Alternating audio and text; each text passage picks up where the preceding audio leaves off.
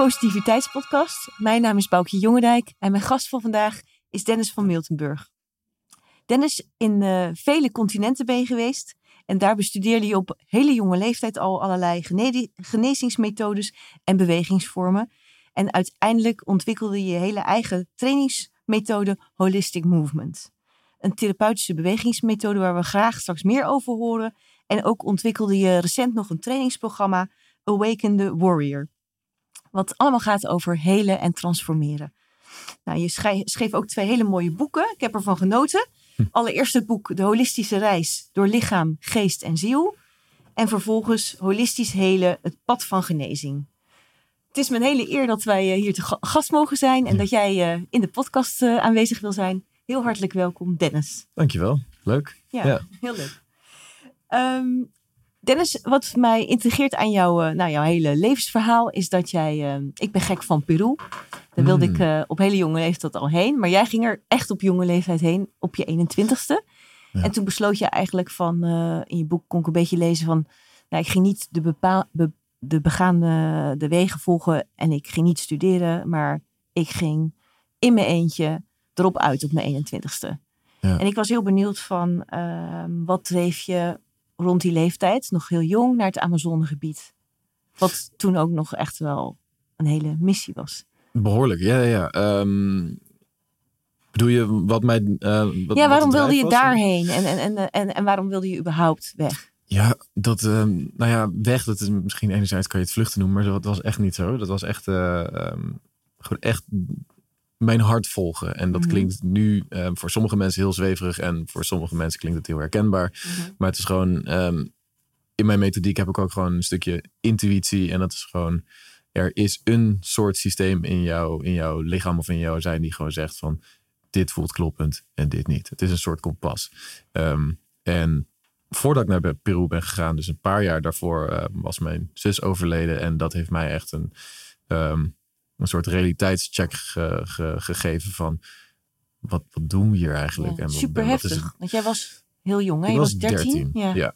En jouw zus was ouder? Zij was 16. Ja. En um, uh, nou ja, dat heeft er echt voor, geleid, voor gezorgd dat ik echt ging nadenken van wat ben ik eigenlijk aan het doen? En um, wat is het hele doel van het leven? Dus zijn we hier echt om gewoon een beetje uh, te studeren en dan te werken en dan met pensioen te gaan en dan gaan? En, of dus eerder. Je, elk moment van. Omdat je dus had gezien dat je zo, zo vroeg al kan gaan. en, en nou ja, dus, dus in dat hele proces om maar gewoon een beetje te leven tot aan je pensioen. Uh, en dan genieten van het leven, waarbij je dan ook niet eens dan echt, echt aan het genieten bent. Dan kan ik het beter nu doen. Maar goed, ik was natuurlijk ook vol met trauma's in, in, dat, in die periode. Mm -hmm.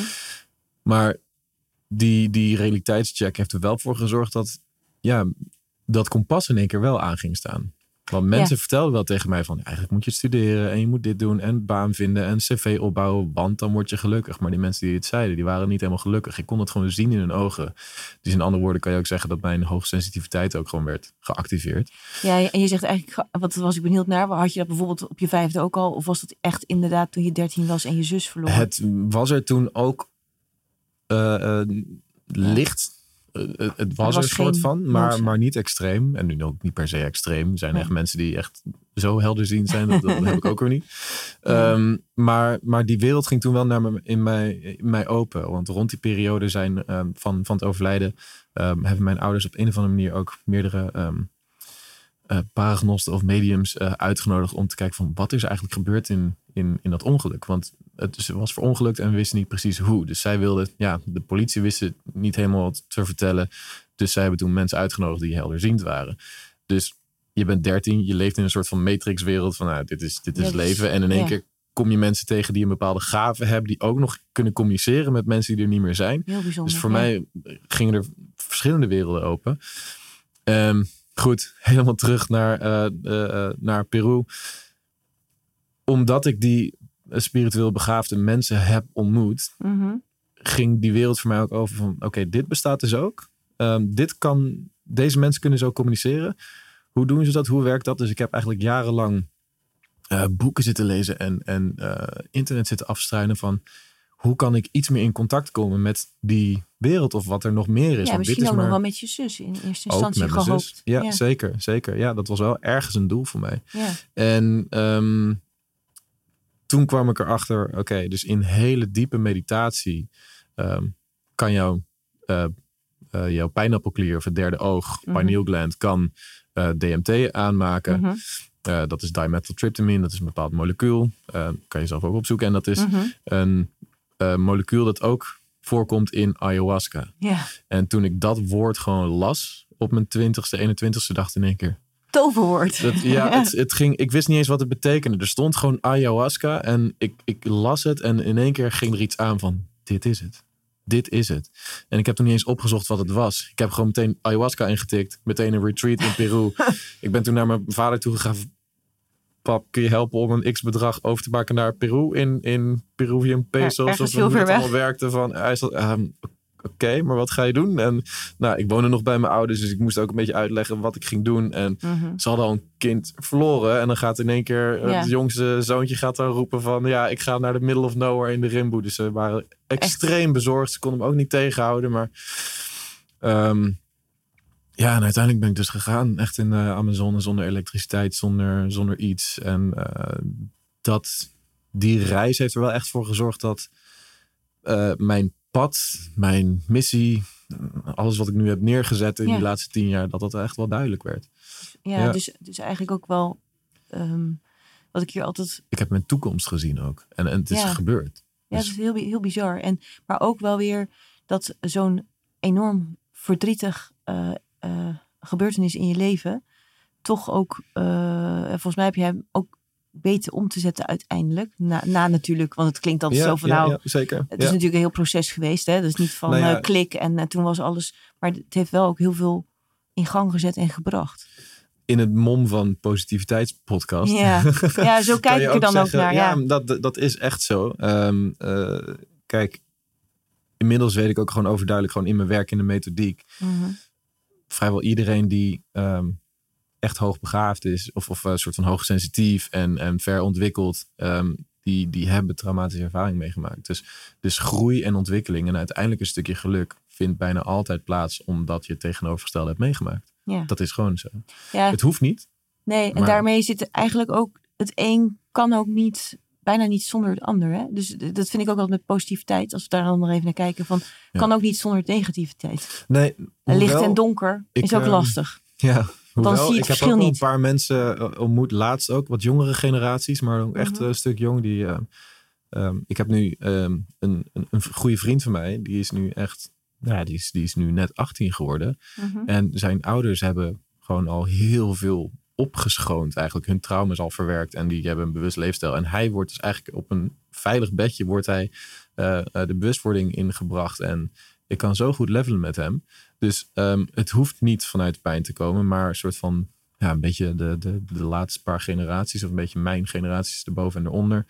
Ja, die, die hebben wel veel trauma's nog meegekregen van voorgaande generaties. Mhm. En het is een beetje onze taak om het op te lossen. Ja. Um, en daarna ervaar je pas echt wat, wat geluk en positiviteit is als je daar aan hebt gewerkt. Het is niet dat je dat niet ervaart als je er niet, niet bewust van bent, maar hè, um, ja. ja. Ik vond dat ook mooi dat Edwin Selei ergens zei van als ik aan mezelf heb gewerkt, dus ik heb die moeilijke kanten aangekeken, mhm. dan zie ik het in mijn kinderen terug. Ja. En dat vond ik een best wel trigger. We hebben ook twee jonge meiden in huis. En dan denk ik van ja, dat is toch ook wel heel, dat is ook wel weer heel hoopvol en mooi. Dat als je dus bepaalde dingen aankijkt, ja, Dat, dat, daar dus ook iets aan te doen valt. En dat vind ik ook wel weer mooi ergens. Er komt best wel veel in je, allebei jouw boeken. Uh, want dat triggert mij omdat ik dat ook een hele interessante vind. Uh, je kan niet kiezen wat je is overkomen. Hè? Dus dat is ook bij jou uh, met, met, met je zus verliezen. Maar je kan wel kiezen hoe je ermee omgaat. Dat vind ik ook hierin. Je, je kan wel bepaalde dingen uh, ja, aanpakken of, of, of, of ja, een, een, weg inslaan. Ja. Dat is mooi. En toen jij bent, jij zegt eigenlijk al het antwoord op mijn vraag van ik ben toen naar Peru gegaan en daarna werd alles duidelijk. Dus ben jij teruggegaan toen eigenlijk met een rugzak vol energie en dingen van dit ga ik nu doen? Ja, maar niet alleen maar met enthousiasme. Um, omdat ik gewoon, um, en dit, dit, dit klinkt misschien heel vreemd voor mensen die nog nooit een psychedelische ervaring hebben gehad. Um, maar er, er is tot, ja, er is mij verteld, dus hoe je dat ook wil In de ayahuasca. Juist. Er, er is gewoon, ik heb gewoon te horen gekregen, of te zien gekregen, wat mijn levenspad gaat worden. Dus, dus de komende 10, 20 jaar. En ik ben nu letterlijk 10 jaar verder. En er is ook echt oprecht tegen mij gezegd van ga naar, ga naar Amsterdam, ga daar een bedrijf opbouwen, ga dit doen. En weet je wel, ga die methode uitwerken. Dus en wel benieuwd, heb je alles gevolgd? Heb je, heb je daarop vertrouwd gewoon? Er is nooit gedacht van, nou joh, ik wil naar Deventer en niet naar Amsterdam. ik zeg maar wat. Ik heb het, nou ja, en dat kan ook wel. En, en dan kunnen we het ook weer een stukje over vrije wil. Um, dus dat had gekund en dat had waarschijnlijk gewoon gemogen. Maar dan, dan was mijn leven ook echt anders gelopen. En de vraag was of ik dan gelukkiger werd. Um, dus dus het is en, en dit is ook de vraag van waar heb ik het vandaan gekregen? Ik heb het misschien zelf ook gecreëerd. Dus dat ik het zelf heb mhm. bedacht. Maar om nog even terug te komen. Um, ik zag het pad en mhm. ehm, het voelde heel groot. Dus je bent een 22-jarig jongetje en je krijgt in één keer al die... Dus ik voelde zo'n zware verantwoordelijkheid van... Wat moet ik allemaal gaan doen in het leven? Wat? En dat voelde echt heel groot. En ik heb nu laatst zag ik um, ergens een quote staan. Als jouw dromen niet angstaanjagend zijn, dan zijn ze niet groot genoeg. Ah. Maar dat wist ik toen niet. dus toen voelde het wel angstaanjagend. Maar ik ben wel gewoon gaan werken. Ik ben aan mijn gezondheid gaan werken. Um, ik ben eindeloos gaan studeren. Althans, mijn eigen boeken gaan lezen. Ja. en ik heb wel gewoon wat neergezet wat nu ja, Daar was ik heel benieuwd naar. Eh, ik, uh, jij bent uit... Jij had uh, een fitness achtergrond ook? Van, ja, een soort van. Ja, dus je bent heel veel gaan sporten toen je terugkwam. Maar je zegt, ik ben mijn eigen, eigenlijk mijn eigen studie gaan creëren. Dus je eigen, vanuit je interesse. Ja, ja dus, dus um, uh, na het overlijden van mijn zus, toen uh, uh, wist ik gewoon niet hoe ik met die rouwverwerking om moest gaan. Mm -hmm. maar het enige wat, wat mij echt iets meer innerlijke rust gaf, was mm -hmm. sporten. Mhm. Dus dat is eigenlijk een beetje een uitlaatklep, maar ook misschien ergens een, een copingmechanisme. Maar ik merkte toen al van, oké, ik voel me fysiek beter, maar ook mentaal en emotioneel als ik dit doe. Waarom is dat? Dus ik ben psychologieboeken gaan lezen, maar ook fysieke boeken, een eh, soort anatomische boeken. Dus die, die aspecten waar ik veranderingen in ervoer, daar ben ik over gaan lezen. En uiteindelijk realiseerde ik van, um, dat heb ik ook in mijn eerste boek staan, dat een vriend van mij toen zei mhm. van, uh, oh, um, hè, er komt een baantje vrij in de sportschool. Van ik mag doen, weet je, ik mag geld verdienen waar ik van hou. Van, oh, oké. En toen heb ik mezelf verder gewerkt als uh, um, of opgeleid tot personal trainer. Maar het moment dat ik dat certificaatje vasthield, dacht ik, ja, ik ga dit niet voor altijd doen. Maar dit is wel een interessant opstapje. Ja. ja, het is een opstapje. Ja. En daar dan werkend in de sportschool zag ik allemaal mensen die echt dag in dag uit met dezelfde klachten kwamen. Ik dacht, maar dit is ook niet de oplossing. Het helpt een klein beetje om je iets gezonder te maken. Maar dit is nog dus ik voelde al heel diep van binnen bepaalde aspecten in de sportschool kloppen niet. Um, het lost niet alles op. Mensen, weet je wel, je laat mensen rekken en strekken, maar ze worden niet meer, ze zijn nog steeds gespannen. Ja, omdat ze hier gespannen zijn en hier gespannen zijn. Dus ik ben gewoon constant verder gaan vragen. En toen merkte ik al dat er heel veel mensen gewoon echt hun heel, hele levensverhaal met mij deelden. Terwijl ik 17, 18 was. Oh. Ehm, en volgens mij, achteraf gezien, voelden ze volgens mij gewoon aan dat ik al wat levenservaring had. Ja, die, ja. die zij, ehm, waarbij ze dus aanvoelde, ik kan het met, met hem delen. Um, en, misschien kan hij hem ook nog wel helpen. Misschien ja, ik, ik ben nu een beetje afgestapt van de term helpen. Ja. Want dan zit je in die, ja, ze die het zelf begeleiden. Ja. Ja, Toen was ik echt heel erg aan het helpen. Ja. Ik ben nu mensen aan het begeleiden. Ja. Um, maar ja, dus ik, ik merkte dat, dat, dat er veel meer speelde. Dus ik ben toen zelf eigenlijk dus lichaam, geest, ziel, emoties, die aspecten ben ik gewoon gaan onderzoeken, los van elkaar. Omdat dat mij gewoon fascineerde. Mhm.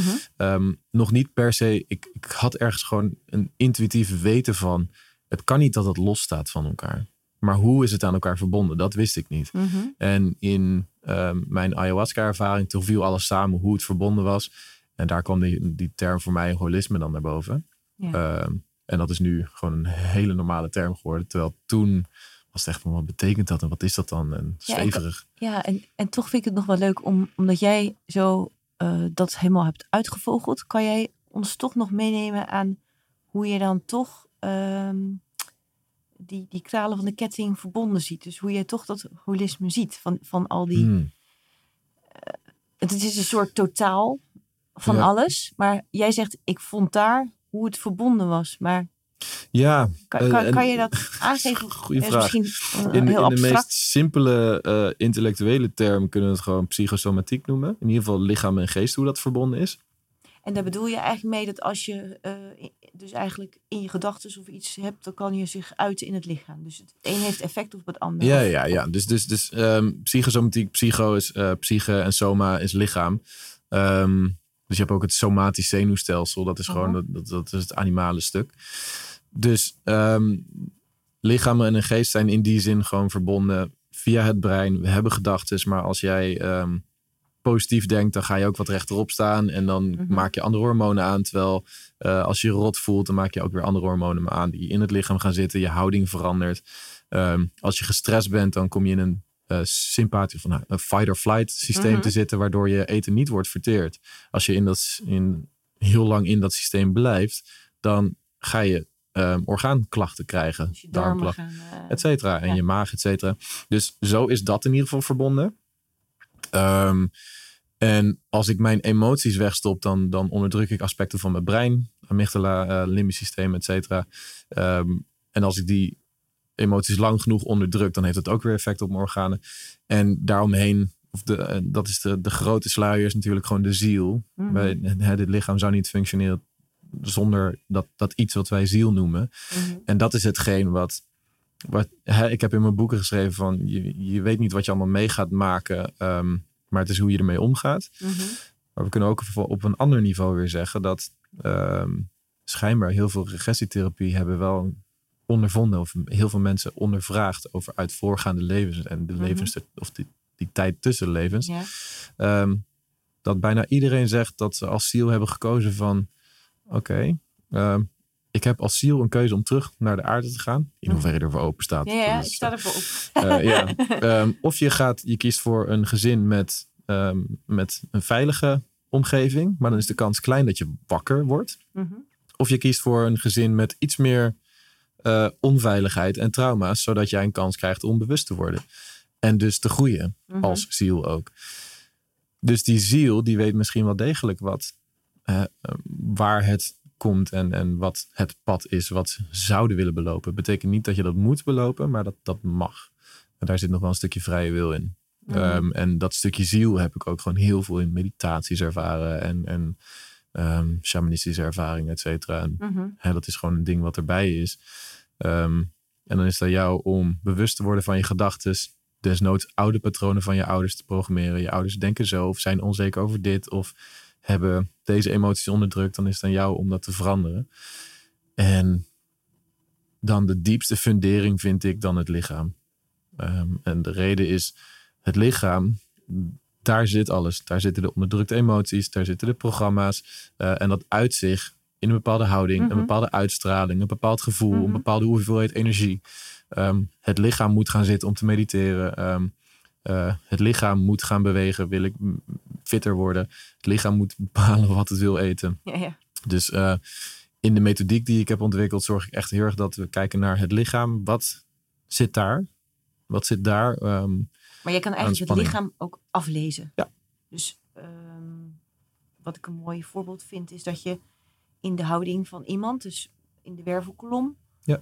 als een bepaalde, nou ja, ik heb geen idee, maar op een bepaalde manier staat, ja. kan jij daar iets aan, uit afleiden. 100 procent. Dus eigenlijk, en, maar moeten we het dan eigenlijk ook zo zien dat uh, als er iets aan de hand is, hè, want kijk, als, zijn, ja, als alles goed is, dan is er een soort van balans in je, in je lijf, in alles. Dan zou je dus ook gewoon, dat lichaam zou alles moeten stromen, energie, alles zou moeten werken. Maar moeten we het dan zo zien dat een, uh, een, een, ja, ergens waar je last van hebt, een klacht of, of dat je ziek wordt, dat dat dan altijd iets is wat uit balans is of wat, wat verstoord is of, of niet meer stroomt of geblokkeerd. Of... Ja. En, en, en hoe ik er uh, naar kijk is, als er een klacht is, word je niet gestraft. Uh, dat is, dat is één ding. Hoe bedoel je dat? Nou, heel veel mensen denken, uh, er is een klacht, dus ehm, oh. ik, ik ben niet goed of is het oké? of ik heb iets uh, verkeerd gedaan of zo. Het leven straft mij, ja, ja, arm, mm. arme ik. Mm. Het is meer um, het leven of jouw ziel of noem maar op. Uh, puur simpelweg je lichaam of het onderbewustzijn. Um, laat zien waar jij nog een les mag leren. Dus het wil je iets vertellen? Het wil je iets vertellen. Het lichaam liegt niet en er is gewoon iets, een bepaalde klacht en het, het leven, hoe ik het zie, is het bestaat uit leren. Ik wil mhm. leren en ik wil groeien als ziel, als mens, als persoon. Mhm. Ehm, en dat doe ik door te gaan luisteren. naar wat de les erachter zou moeten zijn. Dus er zijn geen problemen, er zijn uitdagingen. Die uitdagingen die bieden mij een kans om iets te zien. En um, heel simpelweg, um, als er een bepaalde les is die ik moet leren en ik begrijp hem niet, of er zijn bepaalde situaties uh, die constant terugkomen in, in mijn leven. Dus mensen die geïrriteerd zijn naar mij, of uh, ik word constant afgewezen, of um, mm-hmm. ik kom in de problemen met bepaalde situaties en dat blijft zich herhalen. Um, als ik dan niet mentaal zie wat er gebeurt, dan gebeurt er wel iets emotioneels met mij. En als ik niet kan herleiden wat het emotionele is en ik stop het weg, dan gaat het zich uiteindelijk manifesteren in mijn lichaam. Mhm. En dan krijg ik een klacht. En die klacht, die gaat dan, en daar gaat mijn methodiek over, dat hij heel specifiek gaat kijken wat probeert de wervelkolom, uh, aspecten van je lichaam, uh, organen, je armen, je nek. Um, wat zegt dat over jou? Ja, dat is zo interessant. Ja. Maar ik vind dat er zijn ook zoveel ook um, oude leren die uh, zoveel um, ja, uitdrukkingen en dingen refereren aan bepaalde organen. Ik vind dat magisch. Ook jouw hoofdstuk over uh, de chakra's. Mm. dat je dan, um, even kijken hoor, het was iets van dat je eigenlijk zegt dat als de, uh, je hebt zeven chakra's, die zitten op verschillende plekken. Maar dat als die energie niet goed kan stromen, dat je dat dan weer ziet in de wervelkolom. En dan had je plaatjes waar in de wervelkolom je dan zeg maar de pijn of de, de klacht hebt. Dat dat, dat weer te refereren is aan een orgaan. Zeg ik het goed? Ja, ja, of, ja, zeker. Maar zo kan je dus eigenlijk jezelf bijna aflezen waar dat dus ja, in de oorsprong zit. Precies, en ik heb dit niet ontwikkeld. Chakras zijn al echt duizenden ja, jaren Ja, dat vind ik ook intrigerend. Ik bedoel, Hindoeïsme en, en uh, het stukje Chinese geneeswijze, ja. acupunctuur, dat is 3000 jaar oud. En dat was eigenlijk al quote-unquote holistisch. Um, want zij linkt er niet alleen maar van, oh, je hebt uh, last van je duim of last van je schouder of last van je darm. Um, neem dit pilletje. Nee, ze zeiden van, hé, hey, er is hier iets aan de hand. Mm Dus zij deden dit al. Ja. En ik heb het in een, um, een iets uh, westers jasje gegooid wellicht. Maar dus ja, dus uh, je, je onderrug is bijvoorbeeld verbonden aan de eerste, de eerste chakra, de wortelchakra. En dat is echt juist de meest lichamelijke, het meest fundering. Uh, het heeft gronden, basis. Weet je wel, voel je je veilig überhaupt? Mm weet je wel, is er veiligheid in je leven? Zo niet. Waar, waar ligt het dan aan? Uh, is er een financiële basis? Heb je onderdak? Um, is het een, dichtstbijzijnde gezin, je, je, partner en zo? Is dat allemaal veilig? Is dat fijn? Is dat, staat dat stabiel? Mm -hmm. Of niet? Want dan bestaat er een kans dat je dan een beetje last van je onderrug krijgt. Ja. Of van je benen. Ja, en dat is dan eigenlijk dat, die boodschap die je lichaam je wel wil geven. En waar je ja, meestal heel snel vanaf wil zijn met iets. Ja. of een pilletje of een prik of weet ik veel wat. Ja, we willen maar, niet kijken. Uh, maar eigenlijk zeg je van, uh, want dat vind ik heel interessant, van je, moet eigenlijk, je zou het eigenlijk zelf ook kunnen gaan uitlezen. En, en ja. zelf kunnen gaan aanpakken. Ja. Maar dat is dan wel ook... Uh, nou ja, ik denk dat het dan ook wel de tijd nodig heeft. Dat het niet iets is dat je dat even snel. Uh, je denkt, oh, ik heb hier iets. Dat is, kijk je even op jouw plaatje, dat is dan hupplepup. Zeker wel. ja? ja? Nou ja, kijk, het betekent niet dat het dan meteen op is gelost, maar je hebt een richtlijn je weet van wel waar je, moet, zoeken. Juist. Dus, dus um, mijn methodiek um, bestaat uit twee aspecten: uh, een trainingsmethodiek en, en het helingsaspect. En is dit dus jouw holistic movement? Ja, holistic ja. movement. Ja. Uh, ik heb twee opleidingen: holistic movement coach en holistic movement trainer. Mm -hmm. um, en dan de Holistic Movement Coach, die gaat dan echt eigenlijk die vorm van therapie de diepte in. En daarin kijk je dus echt, oké, als ik ergens last van of ik heb bepaalde problemen, um, dan ga je precies, heb ik een bepaalde chart, een bepaalde mappen gemaakt om precies te herleiden van chakra's naar wervels, naar oh, aspecten, wat ja. het dan zou betekenen. Mm -hmm. En vanuit daar kan je kijken of dat van toepassing is op jouw leven. Um, heb jij last van je nek, dan heeft dat te maken met je keelchakra. En dan kan jij kijken, waar spreek ik niet de waarheid uit? Ja, ja. En, mhm. en, en de waarheid uitspreken heeft dan met liegen te maken, maar ook verzwijgen. Um, en, en, um, dus zijn eigenlijk gewoon grote thema's. Dat zijn grote thema's. En daarvoor hadden we het ook überhaupt over de houding. Um, als mhm. jij een houding hebt die heel erg voorovergebogen is, of dan kunnen we daar een bepaald thema aan, aan wijzen. Of je bent bang om verlaten te worden, of bang om afgewezen te worden, of verraden te worden. Dat zijn van die hele diepe thema's die in veel van ons zitten. Maar de, de voornaamste, die, ja, die, die uit zich in een lichaamshouding. Het is bizar. En, en ook dat heb ik niet ontwikkeld. Het is voornamelijk van Wilhelm Reich die dat heeft uitgevonden. En daarna zijn er andere mensen die dat iets verder hebben uitgewerkt. Wilhelm Reich samen met Alexander Lowen trouwens, zijn student. Mm Dus dat is gewoon puur, dat, dat is al onderzocht. En dat was al een beetje de start van psychosomatiek. Het lichaam hoe, hoe, lang geleden is dat? Want je, dat, dat, dat het ongeveer... Uh... zij hebben onderzoek een beetje gedaan volgens mij rondom en na de Tweede Wereldoorlog. En ik heb die boeken gelezen op mijn zestiende. Ja, dat vind ik ook wel bijzonder hoor. Dat je dat toen al las. Ja, is echt... Uh... Ja, daar ging mijn fascinatie naar. En, en ik, ik hoopte echt dat er een, een bepaalde uh, studie was die dit ja, allemaal maar dat, gaf. nou zeg je ook wel iets waar ik dan naar moet denken. Dan denk ik wel... Uh, soms zegt onze dochter, waarom moet ik naar school? nou doet ze gelukkig ook theater en kan ze helemaal de eind kwijt. Maar wat je nu vertelt is eigenlijk, ja, als je mag leren waar helemaal je interesse in ligt, dan ga je ook vol. Dan pak je alles erbij wat je maar kan leren. Dat is ik, ben nu, ik heb het nu neer kunnen zetten. Uh, ik, ik kan dus nu zeggen, ik ben autodidact. Ja. Uh, maar, maar ik heb mezelf dus echt moeten forceren om wat te doen. Want anders gebeurde er niks. Anders had ik niet. Ja. Um, maar er is ergens een keer een knop uh, die ik heb moeten omschakelen van oké. Okay, was er maar een opleiding of een cursus die dit en dat en dat en dat ja. gaf. En dat was er niet. En toen heeft iets in mij besloten van oké, dan doe ik het wel. Um, inmiddels een soort van, dat was, toen was ik relatief jong toen ik die, die beslissing maakte. Daarna was ik het ook weer vergeten. En achteraf kwam ik echt terug van, ik heb het gedaan. Ja, ja het is echt leuk. Ja. Het is echt leuk. Ja. Van, uh, dat het dan ook zo mag lopen. Ja. En um, nog heel even terug naar, um, ja, als je dan geconfronteerd wordt, uh, laten we het zo zeggen, met dat thema. Nou lees ik in je boek eigenlijk ook, en volgens mij is dat vooral ook in holistisch helen. Hm. Want dan gaan we het hebben over hoe ga je jezelf heel maken, helen. Um, ik weet niet precies wat het verschil is met genezen, maar ik weet ook niet of dat belangrijk is. Ja, ik, ik, uh, ik wissel meestal met die termen, maar over het algemeen uh, genezen beschouw ik iets meer als een fysiek aspect en helen iets meer als mentaal en emotioneel. Maar eigenlijk geef je dan de lezer de uitnodiging om te zeggen van daar hoort dus bij, als je dat dus wil gaan aanpakken, om naar je schaduwkant te kijken. Ja. En dat, nou, dat is iets wat je misschien ook in deze tijd best wel veel hoort, hè, schaduwwerk. En, maar dat vind ik soms een beetje vaag. Ja. Nou ja, niet soms, ik vind het gewoon vaag. Ja. Ehm, want waar begin je dan? Of hoe doe je dat? Want ik kan, ik kan dit heel goed volgen. Hè? Van je hebt een klacht en dan kom je bij een thema. En het is natuurlijk prachtig als je al zo ver als, als mens wil gaan. Het lijkt me ook een heerlijke uh, wetenschap ook voor jezelf. Om, om ook gewoon daaruit weer te kunnen groeien.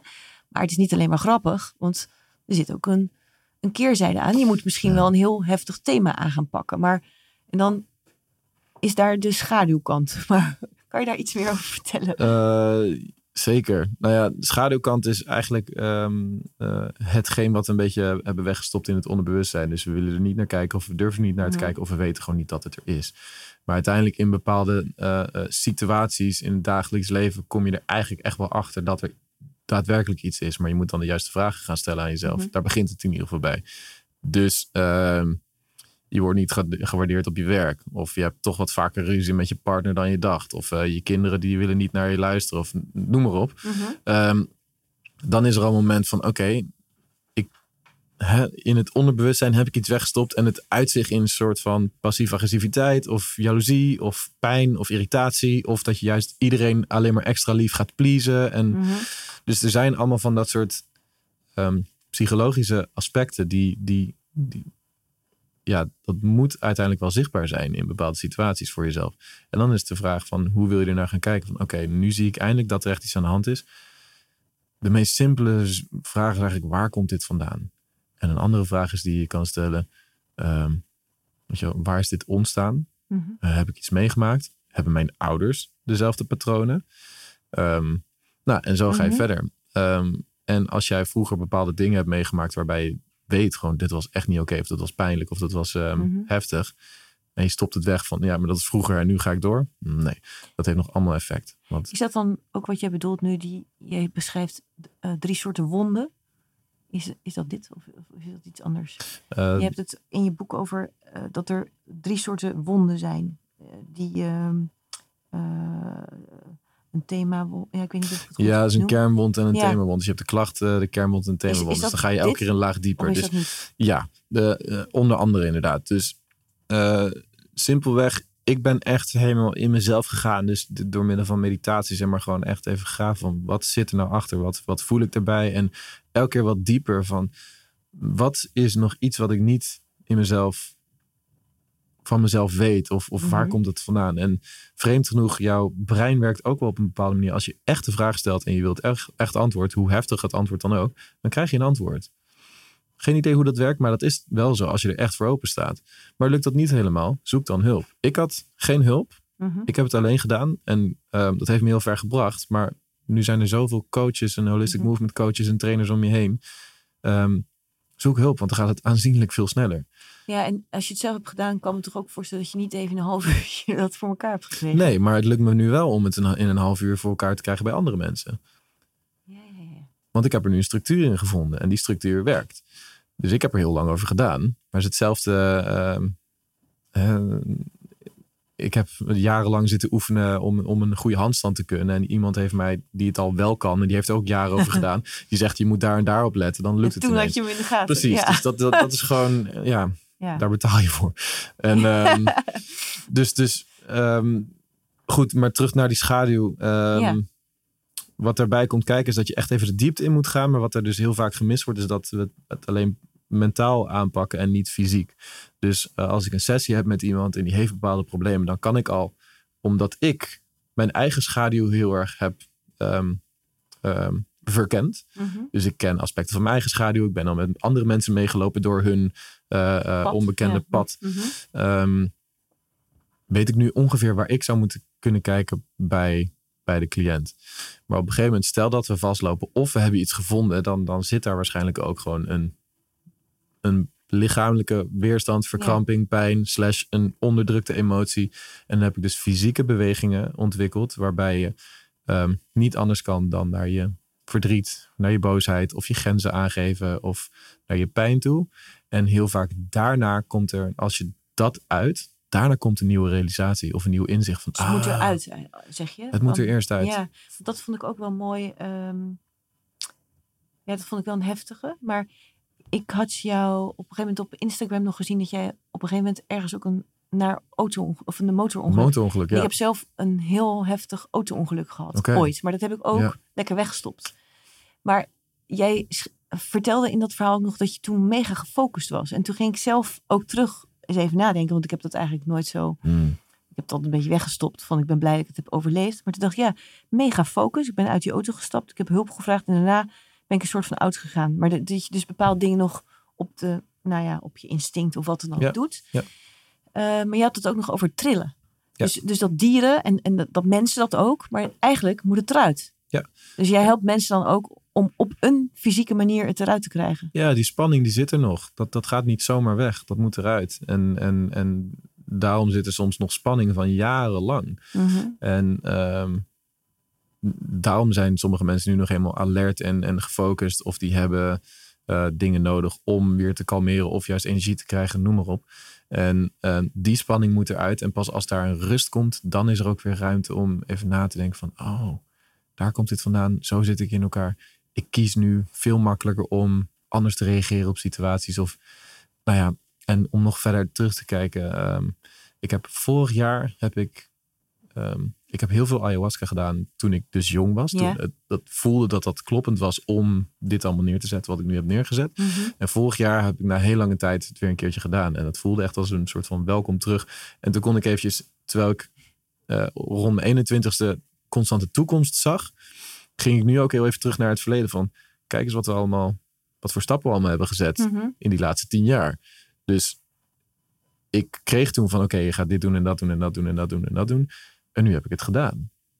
En er werd ook tegen mij gezegd van, en, en, en ik heb het nog niet echt verteld eigenlijk uh, in een podcast of zoiets dergelijks, maar toen de tijd kreeg ik ook een, een, een, een soort van, kreeg ik een stem die zei de komende tien jaar moet je, moet je gaan helen. En ik dacht echt, tien jaar, wat is dit nou? En ik dacht van, ah, dit, eh, eh, tien jaar lang alleen maar naar de schaduw en naar de pijn en naar mijn verdriet en mijn trauma's. En, um, en toen kreeg ik... toen kreeg ik te horen van ja, maar daarna ben je ook gewoon een heel stuk schoner. En dan is het ook echt heel ander, andere vorm van leven. Uh, zonder aanzienlijk veel minder triggers en mindere reacties en kinderlijke gedachten of reacties. Mm. dus ik dacht, oké. En toen gaandeweg, toen ik deze boeken heb geschreven, en ik heb er ook in geschreven van, je zal nooit uitgeheeld zijn. Um, waar ik ook nog steeds wel grotendeels achter sta. Maar ik hm. kan nu tien jaar later wel echt zeggen, um, er komt op een gegeven moment ook gewoon een shift. En um, ik ben in die hele periode, ik ben echt niet ongelukkig geweest in het helingsproces. Ben ook niet per se gelukkig geweest. Het ging echt een beetje zo. Mhm.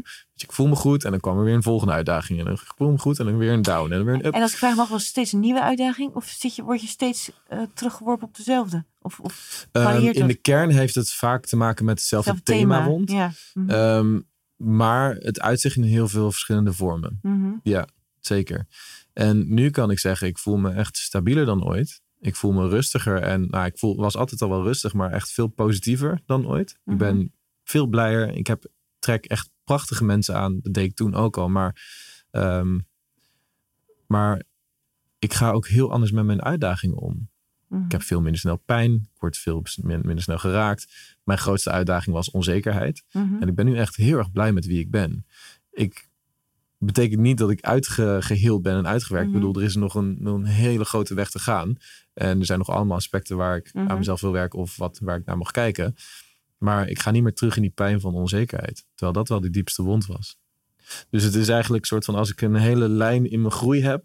Dat ik me niet goed genoeg voel, niet goed genoeg, niet goed genoeg. Dan zit ik op zo'n kantelpunt van ik voel me goed genoeg, maar ik ga alsnog door. Maar ik mhm. heb niet meer die onzekerheid. Het is toch ook bijzonder dat jij dat zegt. Ik dacht, de crux is dat je tien jaar mensen ging helpen met de hele. Maar, ja, maar dan moet je het ook zelf doen. Eerst. Ja, nee, maar dat is dus ook. Dat, ik dacht dat, dat dat komt er misschien uit als boodschap. Maar uh, ik vind het dan toch wel, bijzonder dat, dat, dat jij. Ik bedoel, jij zit er dagelijks spelen mee bezig. Dat dat dan tien jaar toch um, is. Nou ja, ja. Um, uh, maar kijk, het is ook, we hoeven er niet te zijn als we maar uh, onderweg zijn. Dus wat mhm. ik al die, die tien jaar lang heb gemerkt, en ook eigenlijk dus daarvoor al, um, ik was getraumatiseerd, maar ik kon wel mensen begeleiden door hun processen heen. Want ongeacht dat ik um, er nog lang niet ben, ik heb al wel stappen gezet. Mhm. Dus als ik zeg maar uh, acht stappen in de juiste richting heb gezegd, richting heling, dan kom ik mensen tegen, die komen naar mij toe, die maar vier stappen hebben gezet. Dus ik hoef niet helemaal perfect en, en volledig. Uh, nou, ik heb ook nog een heel hoofdstuk over perfectie. Nee, wat dat, natuurlijk, dat, hoeft ook niet. Um, maar dus ik heb in al die tijd heb ik uh, mensen kunnen begeleiden die iets minder ver uh, waren in hun heling. Of al wel verder. Maar ik had al genoeg ervaring om ze te begrijpen om verder te gaan.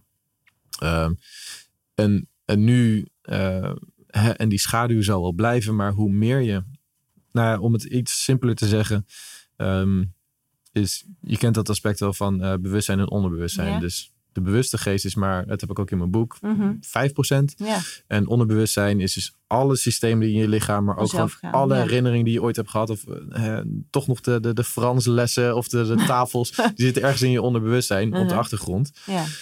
Um, maar dus ook je schaduw en je pijn en je onzekerheden, die zitten daar ook al.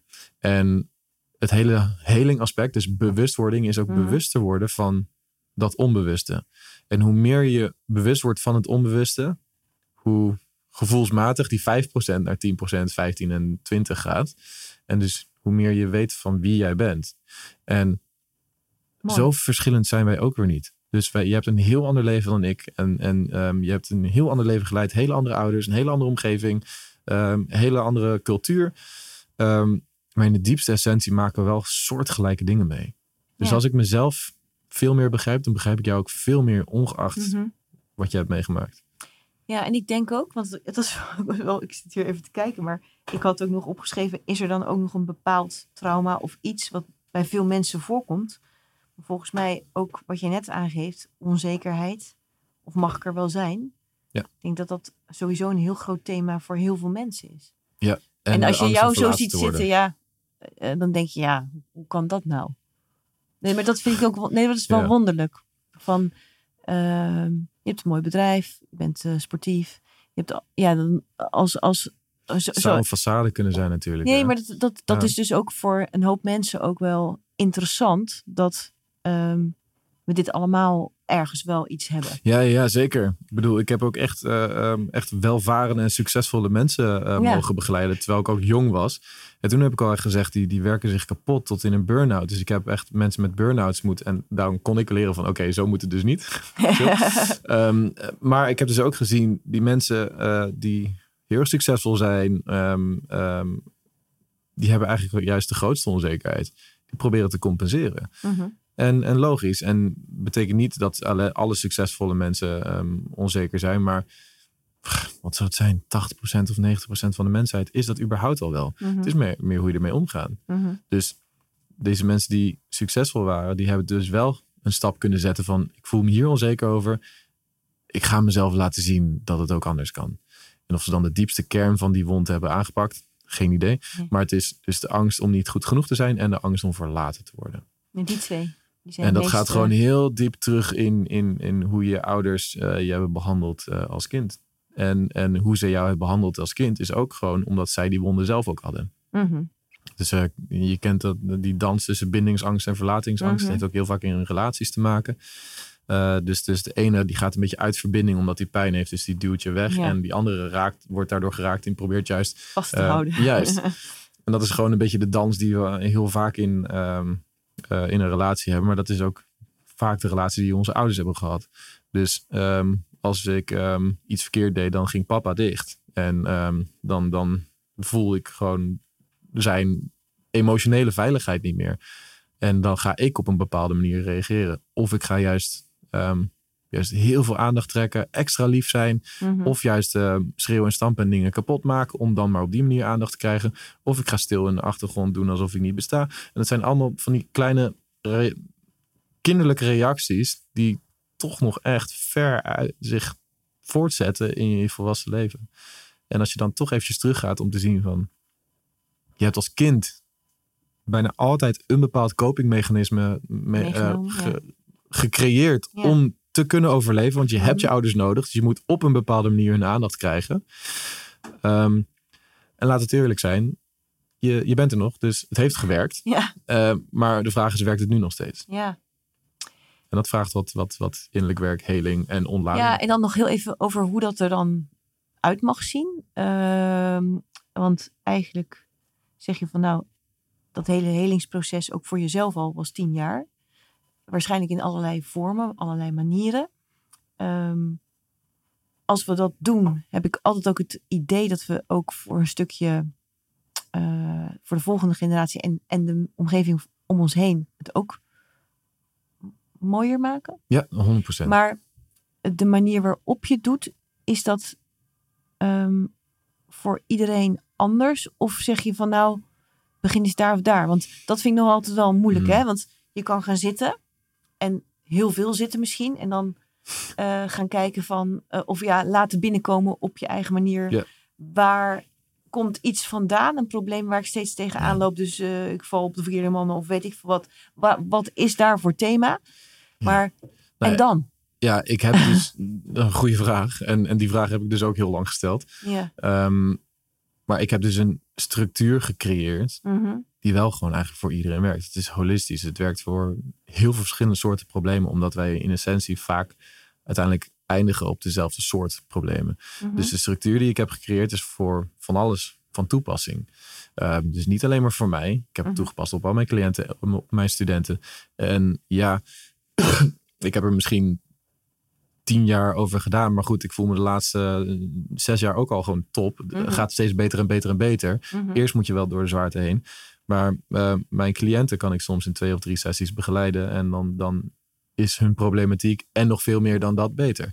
Dus ze hebben maar twee of drie sessies nodig. En soms maar één sessie. En daardoor wordt niet alleen hun eigen probleem verholpen, maar hun relatie en de relatie met hun familie en gezin, et cetera. Ja, het gaat allemaal soort, beter. Uh, ja, een rimpeleffect. ja. En um, al helemaal bij mijn studenten die dan de opleiding volgen, hun leven verandert dan al helemaal. Want die pakken dan niet alleen maar hun problematiek aan, maar ook al die bredere aspecten die in de mens voorkomen, die pakken we dan ook aan. En zo zie je dan ook dat. Um, dus, dus, en, en een opleiding duurt vier, vijf maanden. Dus in hele korte tijd kan er extreem veel veranderen. En het leven verandert dan ook gewoon. Omdat jij er anders naar kijkt. Je voelt je anders. Je voelt lichter. Want wat we daarnet hadden over de schaduw. Mhm. Kan je ook omschrijven als een soort zwaarte die je meedraagt. Een last die je meedraagt uit het verleden. Mhm. En als die zwaarte ontladen, letterlijk fysiek van je afschudden. Maar ook uh, uh, de boosheid en het verdriet en de angst uit die nog vast zat. En het hele aspect met emoties uiten. Als het helemaal eruit is, dan is het eruit. Um, en is permanent weg? Ja, dat betekent niet dat je om nieuwe dingen kan halen of zo. Maar, maar, dan, dan is dat ook gewoon. Dan is het er wel uit. Dus, dus um, je moet misschien nog eventjes één keer even heel goed boos worden op de, de kinderen die jou hebben gepest. Of, of één keer eventjes op je vader. Hoewel je nu een goede band hebt. Een soort van toen was hij een keertje boos en was jij ook boos, maar je kon het niet uiten of je was verdrietig. Mhm. Dat moet er gewoon nog even uit. Mhm. Dat moet er gewoon nog uit. En als het eruit is, daarna kan je in één keer heel anders naar je, naar je vader kijken. Of anders kijken naar je, naar je de, de, de pestkop, uh, et cetera. ja. Moet eruit. Ja, nou, nou help je mensen ook met beweging om het eruit te krijgen. Maar hoe belangrijk is beweging ook in zijn algemeenheid nog? Gewoon om uh, ja. ja. fijn door het leven te gaan. Ja, daar, daardoor um, heb ik die tweede opleiding Holistic Movement ja, Training dat, ontwikkeld. Dat, dat vroeg me ook af. Is dat nou echt een... Want dat is de... Ik ben even de naam kwijt. De... Awaken, Awaken the Warrior. Ja, ja is dat? dus de Holistic Movement Trainer opleiding heeft een, een methodiek erin. En dat is de Awaken the Warrior methode. Ja. Dus een beetje complex. Je hebt Holistic Movement en daarin zit de Awaken the Warrior. Um, en uh, dat is eigenlijk een een methodiek die ik door de jaren heen heb ontwikkeld. Omdat ik, wat ik helemaal in het begin van de podcast zei, ik, toen ik in de sportschool zat, er waren heel veel aspecten die ik gewoon niet begreep. Mhm. En um, er zijn allemaal machines en oh, je zit alleen maar. Dus we zitten nu in de podcast. Jullie zitten zo meteen weer in de auto. Dan ga je thuis op de bank zitten. En dan denk je van, poeh, ik moet even gaan sporten. Dus dan ga je naar de sportschool en dan zit je op allemaal machines. En dus dan ga je zitten en dan ben je gewoon een bepaalde oefening aan het doen. Waarbij ik denk, wanneer in het dagelijks leven moet ik deze beweging maken terwijl ik zit? Of, hè, dus het is niet menselijk. Dus wij zijn niet meer aan het bewegen zoals het lichaam hoort te bewegen. Mhm. Dus ik heb allemaal uh, functionele, dynamische bewegingen uh, en complexe bewegingen ontwikkeld, die ik nog nooit echt heb gezien. Um, die ervoor zorgen dat het hele lichaam leert samenwerken. Dus het lichaam wordt intelligenter. Wat ik daarmee bedoel is, het zenuwstelsel is ook niet statisch. Dat blijft zich ook ontwikkelen. Als jij mhm. nieuwe dingen leert, dan maak je nieuwe neuropaden aan. En als jij niet traint en je gaat in één keer trainen, dan leren spieren in één keer samenwerken. Dus de, de zenuwpaden die gaan nieuwe linkjes maken. maar als je dan nog eens een keertje het lichaam beweegt zoals het oprecht ehm, hoort te bewegen, in, met betrekking tot hoe de hele evolutie is gegaan in ons, ehm, dan komt er, dan wordt je lichaam intelligenter. Dus dat is één. Um, en om dat nog een beetje te onderbouwen, wij zijn de enige uh, diersoort eigenlijk die rechtop staan en die heel erg veel roteert. Dus heel veel van mijn bewegingen hebben met rotatie te maken en dingen tillen. Oh, ja. um, want uh, de rest is alleen maar lateraal en die sprint op handen en voeten. En ga je dan een beetje terug naar de hoe we dat vroeger deden, de jagers en verzamelaars? Of hoe, nou, hoe ik zien? Of, of ja. hoe, uh, ja. Nee, want, ik spring als een oerman. Ja, nee, maar uh, ons leven is natuurlijk veranderd. En ik, uh, ja... Ik, maar een van de belangrijkste dingen die wij hebben, um, wat, wat, wat ons mens uniek maakt, is dat wij op um, onszelf konden jagen en beschermen door op afstand dingen te werpen. Dus ja. gooien is een heel groot iets. En dat is een bepaalde rotatie. En die ja. rotatie die zit er heel erg in. Ja. Um, maar dan het tweede, er zijn um, die spiergroepen die ik laat samenwerken, dat zijn fascia-lijnen. Dus fascia is bindweefsel. Mhm. En er zijn. Um, vroeger wisten we van oké, dit is de biceps, dit is de schouderspier, dit is de borstspier, dit zijn je mhm. buikspier. Um, en hoe ze daarachter kwamen is gewoon, je hebt een spier, een pees en daar twee pezen. Die snijden we af en dan hebben we gewoon een, ja, die doet dit. en nu komen ze erachter, deze pezen, die eindigen niet hier, maar die lopen door naar een volgende spier. Dus hij zit daar wel vast, maar die, dat, de fascia die loopt door. Dat is ook uit dus, yoga. Waar je, de yin yoga, waar je het bindweefsel probeert te laten ontspannen. Juist. Um, maar dan nog eens een keertje over, over de, de spierbindweefsel, zeg maar. Mhm. Dus die, die lijnen die werken samen met elkaar. Mhm. En um, um, waar ze dus tegenwoordig achter zijn gekomen, is dat die lijnen uh, dus die spiergroepen in het lichaam die aan elkaar verbonden zijn, die, die zijn vrijwel identiek aan de uh, um, meridianen die ze bij de acupunctuur en de Chinese geneeswijze hebben. Dus um, als ik een bepaalde spierlijn heb die vanaf mijn onderkant van mijn voeten doorloopt, doorloopt van mijn rug tot aan mijn wenkbrauw, dus dat is één grote lijn, die is verbonden aan mijn blaasmeridiaan. Wat zegt de blaasmeridiaan? Blaasmeridiaan die staat voor bepaalde emotionele en mhm. mentale aspecten. Dus als ik daarnaar ga kijken en ik zie dat die hele lijn in mij vastzit, mm dan weet ik ook wat er mentaal en emotioneel bij mij aan de hand is. Ja, zo interessant. Is dat ook niet Chinese geneeskunde? Ja, maar die, die, die doen alleen een naald erin. Nee, nee, ja, ik, ik, dus ik ken een dame ja, die, en die mixt ook alles met lichttherapie en, en, en acupunctuur. En oh, die, kan mij ook, die, kan, die leest mij als het ware uit. Ja, dat vind ik zo knap. Ja, en ik zit elke keer zo, dan denk ik, en hoe? En dan zegt mijn dochter van, wat heeft ze dan allemaal gestudeerd? Maar van alles, van alle hoeken, eigenlijk een beetje zoals jij. Ja. En dat is zo, als je het allemaal met elkaar gaat verbinden, het is zo vernuftig ook gemaakt, je lichaam. Ja, precies. Maar het klinkt nu ook allemaal heel complex. Maar ik heb het uh, zoveel mogelijk proberen te simplificeren. En, en ik heb dus per meridiaan heb ik bepaalde bewegingen ontwikkeld. Oh, zodat je dus ook door middel van de sportschool die meridianen weer kan balanceren. Ja, en daarom kan je dus ook door middel van trainen, kan je jezelf mentaal en emotioneel ja, ook verbeteren. Dan hoef je niet per se te ontladen. Dus eigenlijk train je holistisch. Ja. Dus dat ook de rest meedoet. Ja. Wauw, wat cool. Ja. Wat leuk. Maar dat is denk ik ook helemaal nieuw. Ja. Ik heb hier nog nooit van gehoord. Nee, ik ook niet. het meeste wat ik Je hebt het zelf gemaakt. Oké. Mooi. En uh, beste Dennis, je hebt al heel veel, uh, heel veel gedaan, heel veel gemaakt. Je gaat hopelijk nog heel veel doen. Heb jij ook nog een bepaalde drive hierbij? Of een missie? Of een, ja, wil je een bepaalde kant op? Of heb je een, ja, uh, nou, een, droom voor de mensheid? het leuke van mijn werk is dat uh, enerzijds, hè, dus ik heb al jaren vooruit mogen kijken of kunnen kijken van waar mijn leven naartoe ging. Maar het is ook, het, blijft, het is niet echt op de voorgrond gegraveerd waar ik naartoe ga. Je vergeet het een beetje, het vervaagt een beetje. En dan als het weer op je pad komt, dan denk je van, oh, dit wist ik al dat dit zou gaan komen. Mhm. Ook toen ik een opleiding uiteindelijk ging maken, toen pas daarna realiseerde ik van, wacht, maar ik wist al dat ik dit ging doen. Dus het is een beetje een soort van verrassing soms. Mhm. Ehm, en wat er nu aankomt is dat mijn methodiek gaat samenwerken met uh, een bepaalde um, lichaamsscan. Dus wij kunnen nu voor het eerst... Ja, charge fit scan inderdaad. Ja, En uh, wij kunnen dus nu voor het eerst gaan onderbouwen hoe um, de methodiek een lichamelijke verandering uh, initieert. Dus je kan het meten? We gaan het nu meten. En dat zorgt ervoor dat ik daar een nieuwe opleiding in ga creëren en oh, dat het verder gaat groeien. Um, en dus dat is de volgende stap samen met nog een boek schrijven op een gegeven moment. en wat die stappen daarna zijn, hoef ik nog even niet te weten. Nee, nee, nee nog een keer naar ayahuasca. ja, ja, who knows, ja. ja. Ten slotte, Dennis. Um, ik vraag alle gasten altijd om een tegeltje. En jij had een heleboel mooie spreuken. Maar we hadden uiteindelijk...